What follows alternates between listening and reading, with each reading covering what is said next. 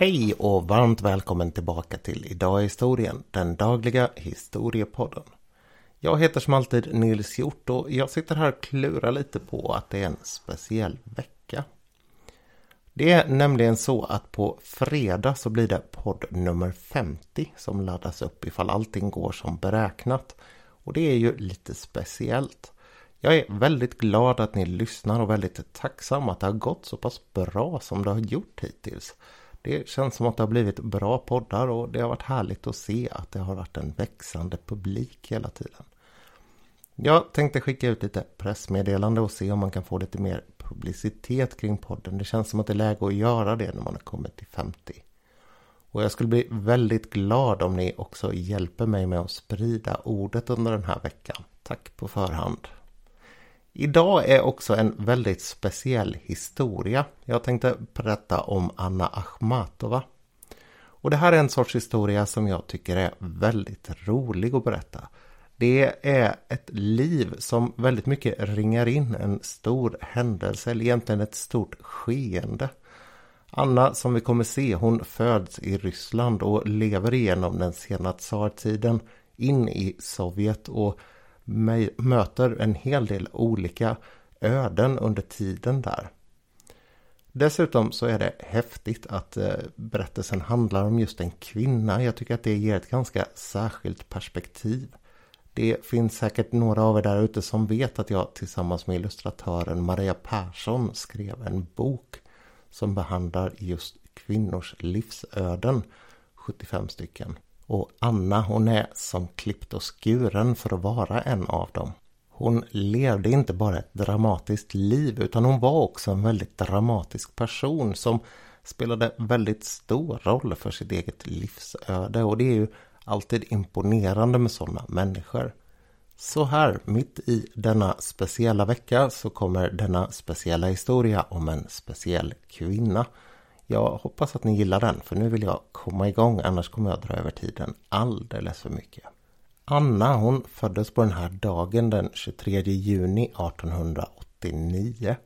Ibland så kan man se att det står att hon föddes den 11 juni men då beror det på att man räknar med den gamla ordningen.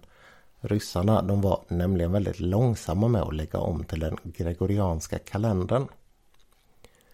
Hon föddes i en liten förort till Odessa som hette Balshoi Fontan och det här var en lite finare del av staden.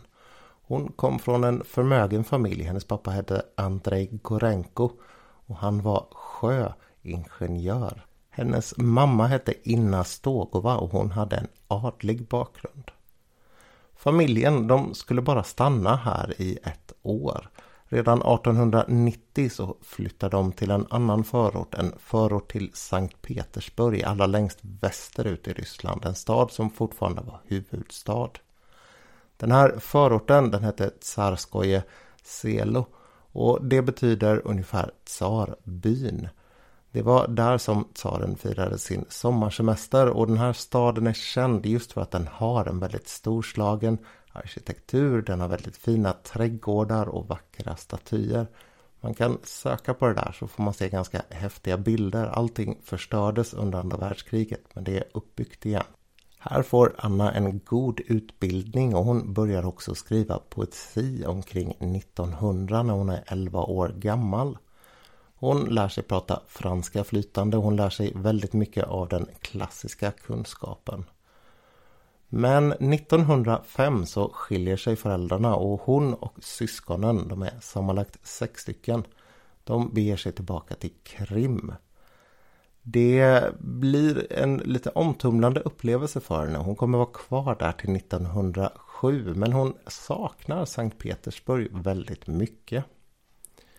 Hon avslutar skolan och tar vad som kallades för en gymnasieexamen vid den här tiden. En klassisk examen det ledde vidare till att hon skulle börja läsa juridik men hon var inte helt road av det. Hon började där men tyckte att det som var roligast det var historien och latinet de läste.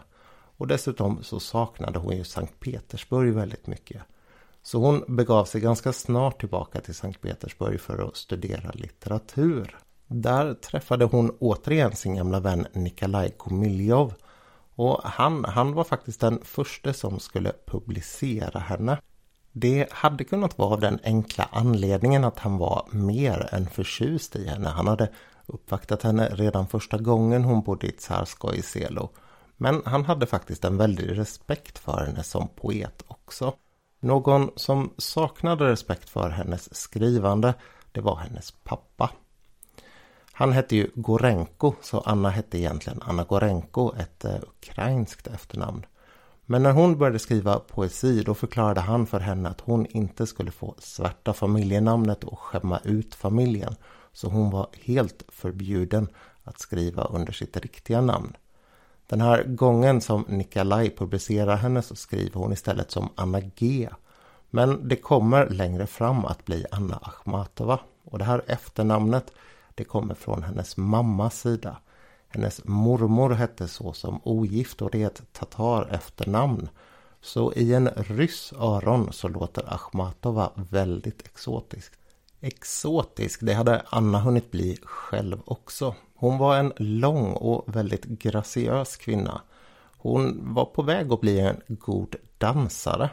Men hon valde istället poesins väg. Hon hade väldigt blek hud och nästan kolsvart hår. Dessutom så hade hon klarblå ögon och en näsa som gav hennes ansikte en distinkt profil. Och hon visste att utnyttja det här till att skapa en viss mystik kring sig. Under tiden som hon byggde upp den här personan så fortsatte Nikolaj att uppvakta henne och 1910 så gifte sig paret. Paret begav sig på bröllopsresa till Paris och där träffade de bland annat en ung och ännu okänd Modigliani. Han ritade av Anna och de här bilderna är faktiskt ganska fantastiska. Det är de första i en lång serie av bilder med olika kända konstnärer som har målat henne på olika sätt. Gå in och titta på Idag i historiens Instagramkonto så får ni se några av de här bilderna. Jag tycker de är riktigt häftiga. Nikolaj, hennes make, han var också poet och kom även han från en god bakgrund. Han skrev en väldigt exotiskt präglad och lite så här spännande poesi. Så han reste världen över och samlade inspiration. Det gjorde att paret under långa perioder levde isär och det var väl egentligen inte den mest kärleksfyllda relationen. Anna hon återvände till Paris och träffade Modigliani igen och det är ganska troligt att de hade en relation. Han hade ganska stor påverkan på hennes konstnärliga utveckling och dessutom så finns det en hel del bilder där han målar henne, eller ritar rättare sagt, ganska lättklädd. Poetiskt så hade dock det unga paret en väldigt stor respekt för varandra. Och Nikolaj han passade på att skapa en egen liten cirkel för poeter. Den här gruppen den hette egentligen Poeternas gille och Anna hon blev sekreterare. Men de blev mest kända som akmeisterna. Och det här akme, det är samma ord som man ofta ser i amerikanska filmer när de ska skämta lite om vad ett företag heter. Det är grekiska och betyder ungefär fullkomlig, fulländad eller höjdpunkt. Och det var så man såg på sig själva som höjdpunkten av poesi. Man vände sig emot symbolismen. Man vände sig emot deras känsla för att hela tiden försöka alludera till naturen och skapa bilder av saker och ting eller symboler av saker och ting på det här sättet. Själva så ville man göra små, korta, kompakta dikter som hade en ganska tydlig bild i det här sammanhanget och inte symbol. Som dessutom saknade den här dragningen till naturen utan istället uppskattade städer det var alltså en väldigt modernistisk dragning. Den här gruppen de träffades på ett ställe som kallades för Gatuhundens källare ungefär. Det beror lite på översättning. Och det var en källarkrog, en slags eh, scen där man samlades och hade fester och läste litteratur och diskuterade olika saker. Den här klubben blev ett verkligt inneställe och det är väldigt många människor som Anna lär känna här som kommer att spela stor roll för hennes liv. Bland annat en eh, poet och författare som är väldigt känd som heter Josip Mandelstam. Han skulle bli en väldigt nära vän till Anna under de kommande 20 åren. Namnet på det här stället som de träffades på ryska Brodjatjaja Sabaka var egentligen ganska väl kopplat till deras självbild. Därför att även om de såg sig som akme, eller akmeister, den här fulländade formen, så såg de sig som gatuhundar i förhållande till den fina poesin. För Anna så följde nu en ordentligt intensiv tid. 1912 så fick hon och Nikolaj en son som döptes till Lev. Men Anna hon ville inte vara mamma. Man lämnade bort barnet till svärföräldrarna och sen fortsatte hon att leva på den här nattklubben och i deras lägenhet. Dessutom så blev hon publicerad för första gången i en egen bok 1912, en utgåva på 300 ex. Den ledde vidare till en andra diktsamling, Tjotki, eller radband på svenska. Och Anna blev 1914, 25 år gammal, superstjärna. Den här boken den gavs ut i 1000 ex men under de kommande nio åren så gavs den ut i åtta utgåvor till. Och ungdomar, eh, yngre vuxna, de flockades kring henne och hennes poesi. Man samlades i stora grupper och satt under kvällar och läste den här boken från perm till perm för varandra. Överallt så såldes det bilder på henne, fotografier som vykort och väldigt, väldigt många kända målare ville måla henne. Det är därför det finns så många fantastiska bilder på henne. Men det hela slutade ganska abrupt. Första världskriget utbröt och den här puben den lades ned 1915. Hennes man Nikolaj han skrev på och gick in i militären och de separerade 1916. Anna hon har senare sagt att första världskriget var början på det riktiga 1900-talet och jag kan ganska mycket hålla med henne i det. Det är lite som att det finns ett 1900-tal före första världskriget och ett helt annat efter. För hennes del så skulle det bli mycket tydligare än så. Till att börja med så förändrades hennes poesi. Hon slutade att skriva de här väldigt smäktande kärleksdikterna. Och istället så började hon skriva lite mer nationalistiskt hyllande dikter. De fylldes dessutom med en hel del sorg och oro som inte hade funnits där tidigare. Och den här svartan, den hade kommit för att stanna. Under kriget så drabbas både Anna och hennes syster av tuberkulos. Anna hon har någon märklig sköldkörtelåkomma som gör att det där inte riktigt blir så illa som det skulle kunna göra. Men hon förlorar sin syster, den andra hon har förlorat dittills i livet. Direkt efter revolutionen så skiljer hon sig från Nikolaj och tämligen omgående redan samma år så gifter hon sig med en eh, forskare i assyrisk historia som heter Vladimir Shileiko. Det här kommer inte att bli mer lyckat än det första äktenskapet. Och för Anna så blir det en ordentligt turbulent resa nu. Under revolutionens första år så finns det en kort tid med en relativt stor konstnärlig frihet och det är många som andas morgonluft här. Det tar slut med förskräckelse för de allra flesta ganska fort när partiet väl har tagit makten. Och kanske framförallt efter att Lenin har dött och den här grottmänniskan Stalin tar över. Anna hon publicerar ganska tätt här tre böcker och det går ganska bra.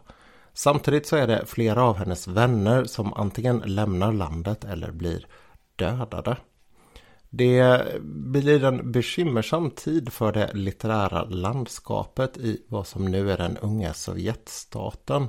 Och Anna hon försöker att på olika sätt hitta någon form av väg att ta sig fram här.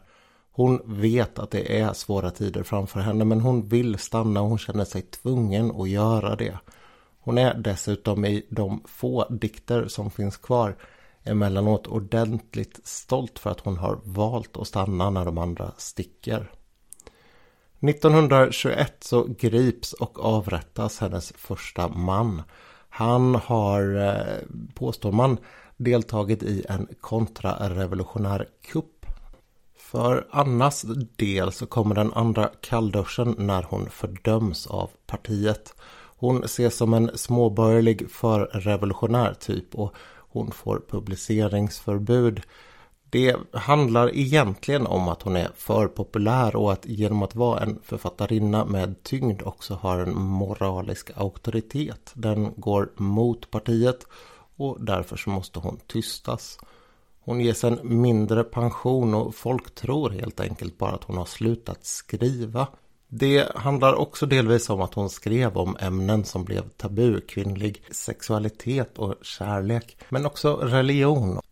Hennes man här, han sviker henne och börjar bränna hennes poesi. Han vill inte att det ska finnas någonting kvar av den och tyvärr så har han lyckats. Det finns ganska lite bevarat av det som hon skrev under den första halvan av 20-talet. De separerar också ganska snart och Anna hon går vidare med en man som också har tillhört den här kretsen kring gatuhundens källare. Han heter Nikolaj Punin och de gifter sig aldrig men de lever tillsammans fram till 1940. Han är litteraturkritiker eller konstkritiker lite bredare sett. Och de har en ganska stabil relation tillsammans. Tyvärr så gör också grottmänniskan Stalin sin återkomst här. Han har ordentligt börjat koppla sin makt om Sovjet vid den här tiden. Och när han börjar sina stora utrensningar i mitten av 1930-talet så är det många runt Anna som drabbas. Både Punin och Lev, hennes son, de arresteras 1935 och de släpps igen efter några månader. Men Lev han grips igen 1938.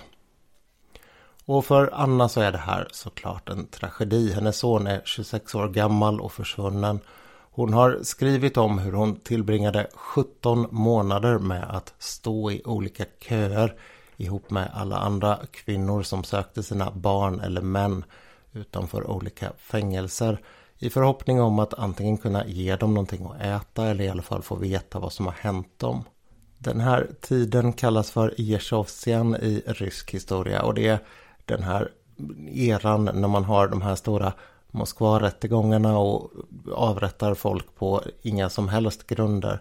Men det sker också en stor genomkörning i det större samhället utöver hela Sovjet där man griper och avrättar folk på löpande band för i princip ingenting. Och Anna hon är ju såklart livrädd för att någonting ska hända hennes, i det här fallet då sambo eller son. En gång när hon står i en sån här kö så ropas hennes namn upp och en kvinna som står bakom henne häpnar.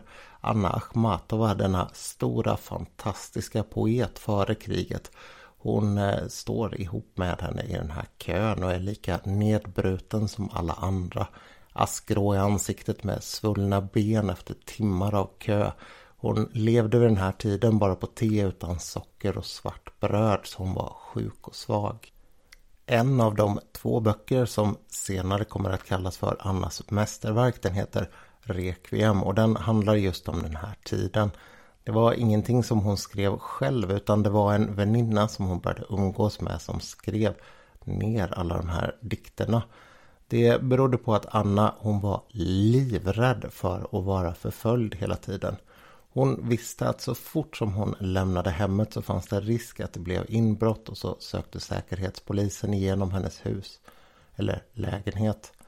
Och vad de än fann så fanns det risk att hon eller någon henne närstående skulle råka illa ut. Så hon var inte bara tröttsjuk och hungrig, hon var dessutom ordentligt på väg att förlora förståndet. Den här Lydia som hjälper henne att skriva ner allting. Det börjar med att de båda två saknar anhöriga och att de börjar diskutera det här kring fängelser. Lydia hon skriver också så de börjar diskutera författande, eh, skrivande i större mening men också främst poesi. Och Lydia hon bestämmer sig för att hon måste dokumentera det här så hon börjar skriva ner saker och ting. Hon gör det med de allra viktigaste delarna skrivna på kod för att skydda både sig själv och Anna. Det är som sagt ett ytterst paranoid samhälle som lever här under den här tiden, under Stalins sista tio år. När Anna sen får förtroende för Lydia så börjar hon skriva ner hennes dikter som sagt och det sker på ett alldeles speciellt sätt. De sitter mitt emot varandra vid ett bord och Anna hon pratar om någonting som är alldeles ordinärt. Samtidigt så skriver hon på ett papper ner en dikt som oftast är mördande enkel och vacker. Men hon ger det här pappret till Lydia som läser den, läser den, läser den, memorerar den. Och sen direkt tar och tänder eld på pappret och trycker ner det i askfatet så inga bevis ska finnas kvar. Det här gällde också hennes gamla böcker och det var många som hade läst in dem utan till samtidigt som regimen förstörde dem. Det här publiceringsförbudet som hon hade det levde kvar till 1940. Men tillbaka till den här kön därför att när Requiem kommer ut så kommer hon att använda den här scenen igen. Och bara som ett smakprov på hur hon låter när hon skriver så berättar hon om det här men då känner inte kvinnan igen henne utan hon förstår bara att hon är en författare. En kvinna som stod bakom mig med blå läppar och som naturligtvis aldrig hade hört mitt namn vaknade då ur den dvala vi alla var försänkta i. Hon frågade i mitt öra, där alla talade viskande. Kan ni beskriva detta? Och jag svarade henne, det kan jag. Då spred sig något som liknade ett leende över det som en gång varit hennes ansikte. Jag tycker det är skithäftigt hur hon här lyckas med väldigt enkla, väldigt små medel beskriva hur förstörd en människa kan bli av det här livet. Och det har sagts att man måste ha en hel del bakgrundskunskap för att förstå den här poesin. Veta hur illa det var i Moskva och resten av Sovjetunionen. Men jag vet inte. Jag tycker ändå att det här med att någonting som liknar ett leende över det som en gång varit hennes ansikte. Det är ganska tydligt i sin eh, beskrivning.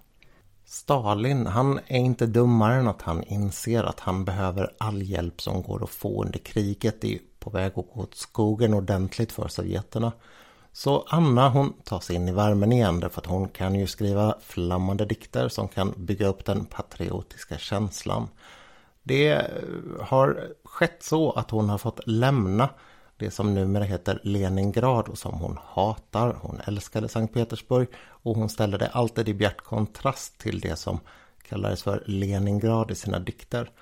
Hon har flyttats till Tashkent och skriver där vidare. Men på vägen tillbaka så har hon gjort så pass gott, tycker regimen, så hon får stanna i Moskva och ha en läsning av sin poesi 1944.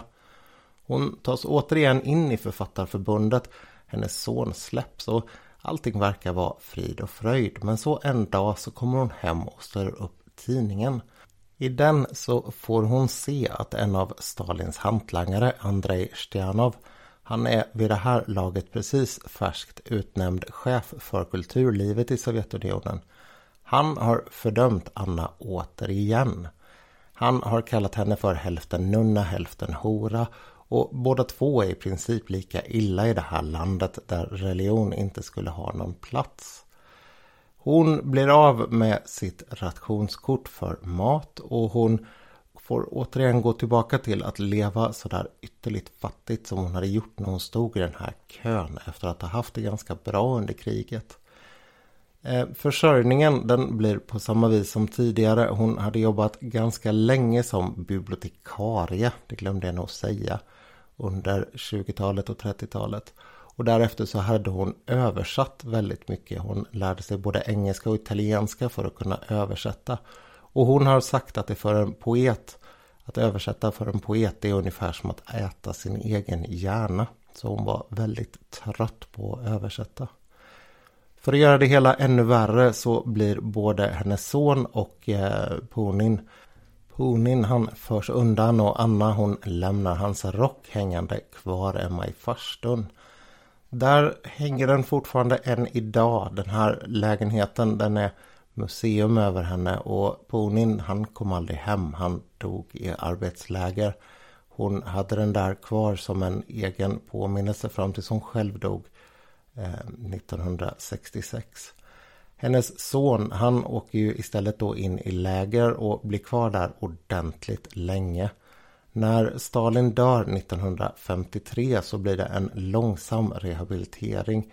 för Anna. Även om hon inte rehabiliteras officiellt så får hon börja publicera igen. Hon får allt mer pengar. Hon kommer in i Författarförbundet och hon får en Datja, en sån här sommarstuga. Och 1956 så släpps hennes son. Han har dock blivit väldigt påverkad under tiden i lägret och man har lurat i honom en hel del att han, eh, hans mamma är skyldig till att han har blivit gripen och att hon inte har gjort någonting för att hjälpa honom. Så deras relation den är inte den bästa. Det är en väldigt sorglig historia det där. Och eh, för Annas egen del så tillbringar hon väldigt mycket av den här tiden med att vara sjuk. Hon hade ju redan från början en dålig hälsa och den har inte blivit bättre av alla sorger, vedermöder, svält och sådana här saker. Sedan slutet av kriget ungefär så har hon ofta besökt vänner i Moskva därför att hon vet att hon åtminstone kommer undan från den hemliga polisens trakasserier, ständiga genomsökningar av hennes bostad. Hon får mat av sina vänner och kan äta upp sig och hon kommer undan de allra enklaste små vardagliga skymferna som möter henne. Det måste ju kännas ganska fruktansvärt att ha varit ett lands absolut största poet och sen i princip leva svältande utan möjlighet att skaffa sig några jobb förrän vännerna ger henne möjlighet att komma in på det agrara institutets bibliotek. Det här jag sa tidigare om att hon var väldigt mänsklig i allt det här, att hon ändå slogs för sin rätt. Det är att hon faktiskt knäcks. När hennes son är fängslad och allting är som mest hopplöst, Punin är också borta, då ger hon efter för Stalin. Hon använder sin penna för att hylla Stalin, hylla kommunismen och dessutom skriva om hur lycklig hon är i Sovjetunionen. Hon kommer skämmas för det här hela livet och hon vet att alla som en gång har älskat henne de mår riktigt dåligt när de här dikterna släpps. Och det kanske smutsigaste i hela den här grejen det är att Stalin han släpper inte hennes son, han gör ingenting mer än att råas över att hon tvingas göra det här. De här dikterna de är borttagna i alla hennes verk som släpps efter det här. Trots att Anna nu kan leva ut sina dagar som ett slags grand old lady i de litterära cirklarna i Sovjetunionen så är hon absolut inte fri. Hon kan ta strid för några av sina unga protegéer.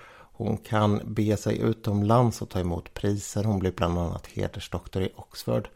Och mycket sådant kan hon göra. Men den här diktsamlingen Requiem, den som är hennes kanske allra finaste, den får hon aldrig se släppas. Den kommer inte komma ut förrän 1987 i Sovjetunionen just för att den är så kontroversiell i sin kritik av regimen. När Anna 1966 dog på sanatoriet i Domodedovo så var det slutet på en era hon var den sista riktiga länken tillbaka till den här poesins silverålder och hon var en av de sista ryssarna som fortfarande hade varit aktiv i det nya Sovjetriket. Och hon var dessutom en väldigt dubbel figur. Det var uppenbart för alla och envar att hon hade skrivit de här hyllningsdikterna till Sovjet, eller till både Sovjet och Stalin därför att hon var tvungen det var dessutom uppenbart att hon var en rest från det gamla och att det var därför hon älskades hur mycket regimen än försökte att hålla tillbaka hennes skrivande vid den här tiden. Och hon har överlevt ordentligt. Hon ses kanske som den största, i alla fall den största kvinnliga poeten under hela 1900-talet i Ryssland, det ryska språket. Möjligen också bland män, alltså ryssar överhuvudtaget. Och hon är speciell. Jag älskar hennes livshistoria just för att den rymmer allt det här dramat. Det är uppgång, det är fall, det är motgångar. Hon reser sig igen. Och hon kämpar och hon är mänsklig samtidigt. Dessutom så är jag väldigt svag för delar av hennes poesi och väldigt många av de här bilderna på henne. Med det så har jag dubblat tiden som jag har lovat att försöka hålla mig till och det är någon form av bottenrekord. Men jag hoppas att det var ett toppen avsnitt och att det var värt tiden. Jag har träffat några av er som lyssnat och de har sagt att ibland känns det som att det inte skulle göra någonting om det blev för långt. Jag hoppas att det här var en gång när det var så. På återseende i morgon. Hej hej.